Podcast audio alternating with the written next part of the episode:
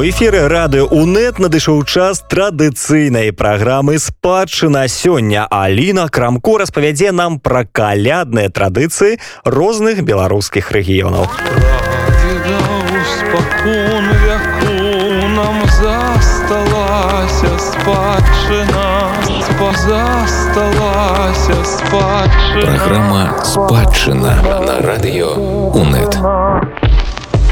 Легенды і ўспаміны, помнікі артефакты, шэдэўры і лёсы. Кожны чацвер на рады Ёўнет я расказваю вам пра каштоўнасці, што засталіся нам у спадчыну. І сённяшні выпуск праграмы будзе прысвечаны галоўнаму зімоваму святу нашых продкаў.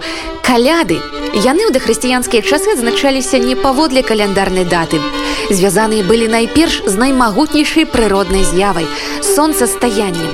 Нашыя продкі адмыслова рыхтаваліся да калядных святаў, якімі былі самыя сакральныя яго моманты і галоўныя атрыбуты пра гэта і не толькі сёння раскажа нам дырэктар школы традыцыйнага мастацтва ў менску спявачка і кіраўнік этнафольк гурта гуда Вікторыя міхно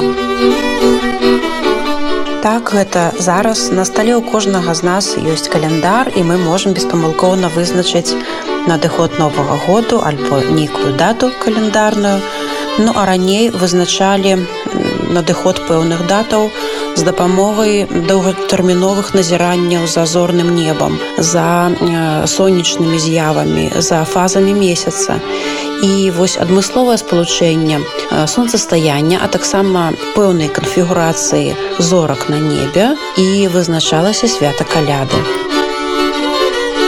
Менавіта пасля сонцавароту меркавалі людзі пачынаўся новы жыццёвы цыкл.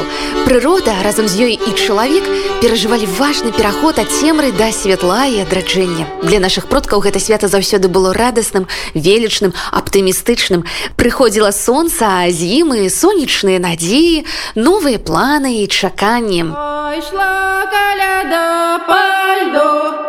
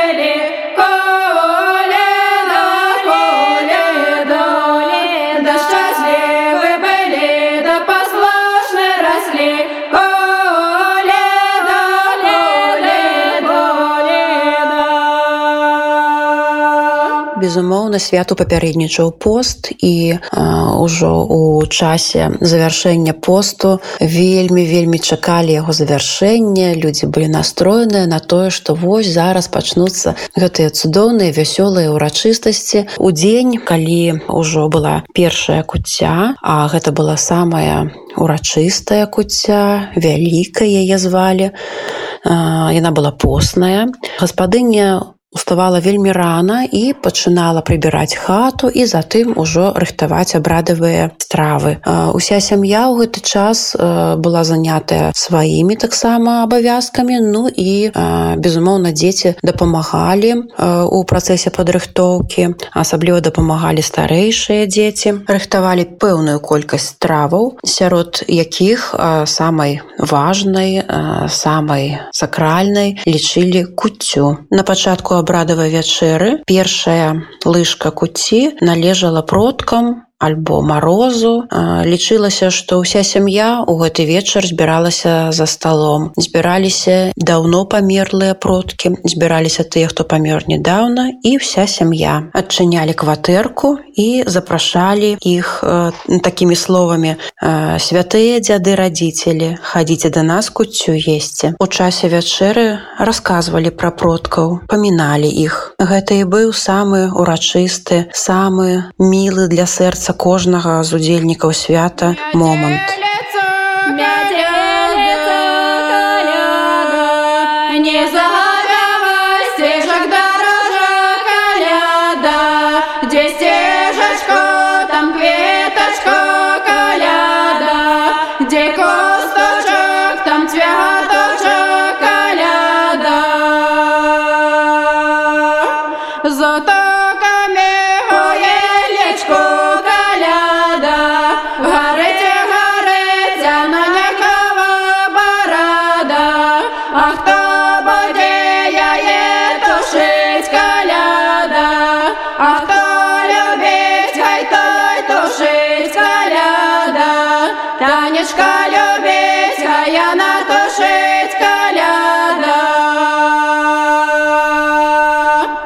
Увогуле тэрмін каляда паходзіць ад лацінскага слова календы. У старажытных рымлян першы дзень кожнага месяца называўся календа.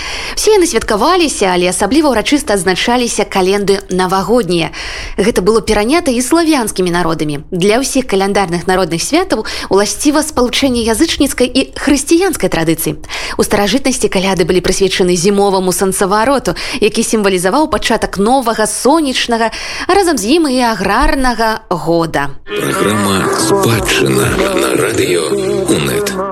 У кожным рэгіёне былі свае адметнасці аднак можна сказаць што у некаторых э, частках беларусі абраду калядавання ну не зафіксавалі навукоўцы не ўзгадаюць аб гэтым э, зараз мясцовыя людзі а расказваюць у асноўным аб тым што былі зімою такія вось э, вячоркі абрадавыя ігрышчы калі збіралася моладзь вясковая у адной з хат і яны там танцавалі яны гулялі ў разнастайныя гульні і адной з такіх гульняў была жаніць бацярэшкі і яшчар ужо вышэй названыя але ў бальшыні рэгіёну беларусі сапраўды увасабленнем свята была калядная грамада з казою з зоркай. Э, яны паказвалі розныя цікавыя інтэрмеды прыносілі з сабою радасць і чакання новай радасці новых падзеяў новага ўраджаю нязменным і аднолькавым для ўсіх рэгіёнаў беларусі былі тры куці. Гэта вялікая ці посная багатая ці шчодрая і вадзяная трэцяя куця. У беларусаў ёсць унікальныя калядныя абрады жаніць бацярэшкі калядныя цары. Напэўна спіс можна працягваць так існуе вялікая колькасць абрадаў якімі развітваліся з калядою з калядамі у некаторых рэгіёнах цягнуць каляду на дуб. 21 студзеня жанчыны ў вёсцы збіраюцца вараць куцю робяць такі снопік урачысты саломы з яго накручваюць такую ляльку і ставяць гэтую ляльку на старое кола адвоза. Куцю і ляльку перадаюць жанчыне сталага веку саджаюць яе на воз і уся такая вялікая працэсія выязджае за вёску да старога дуба да старога дрэва. Хлопцы зацягваюць вось гэтую каляду гэтую ляльку і старое кола на дрэва. Старую яны звычайна скідваюць уніз она пасля спальваецца. Ну а замацоўваюць на дубе вось гэтую новую ляльку і куцю гарш. Под дубам спяваюць водзяць карагоды і ядуць стравы выпіваюць. А пасля вяртаюцца ў агульную хату і далей адбываецца ўжо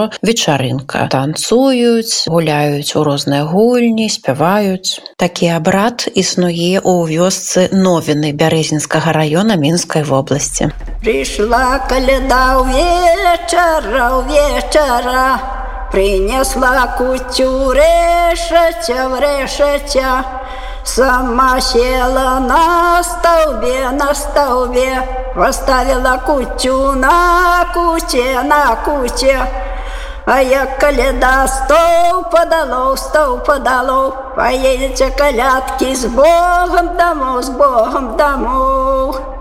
Разнастайныя спрадвечныя культурныя традыцыі спрыяюць камфортнасці жыцця чалавека. Першую чаргу псіхалагічнай камфортнасці. Нездарма менавіта вось такія відавочна вясёлыя праявы народнага жыцця яны супадаюць з дастаткова змрочнымі і такімі бяссонечнымі часамі у каляндарным годзе. Хмурае неба цёмны вялікі перыяд сутак. Яны безумоўна не спрыяюць камфортнасці псіхалагічнай. І менавіта дзеля гэтага відавочна нашыя мудрыя продкі і прыдумалі ну і на мой погляд моральна здаровы чалавек дасканалы самадастатковы чалавек. Ён у першую чаргу будзе цаніць сваё роднае звязанае са сваёй сям'ёю са сваім народам і са сваёй зямлёй спадчыну культурную тым ліку. Я бы сказала все гэта трэба дзеля таго каб просто быць чалавекам Вікторыя Міхно рассказала нам сёння, як рыхтаваліся нашыя продкі да калядных святаў і якімі былі самыя сакральныя моманты і галоўныя атрыбуты каляд. Я, Аліна Крамко, развітваюся сёння з вами пажаданнямі радасці і ўтульнасці. Пачуемся на радыёўны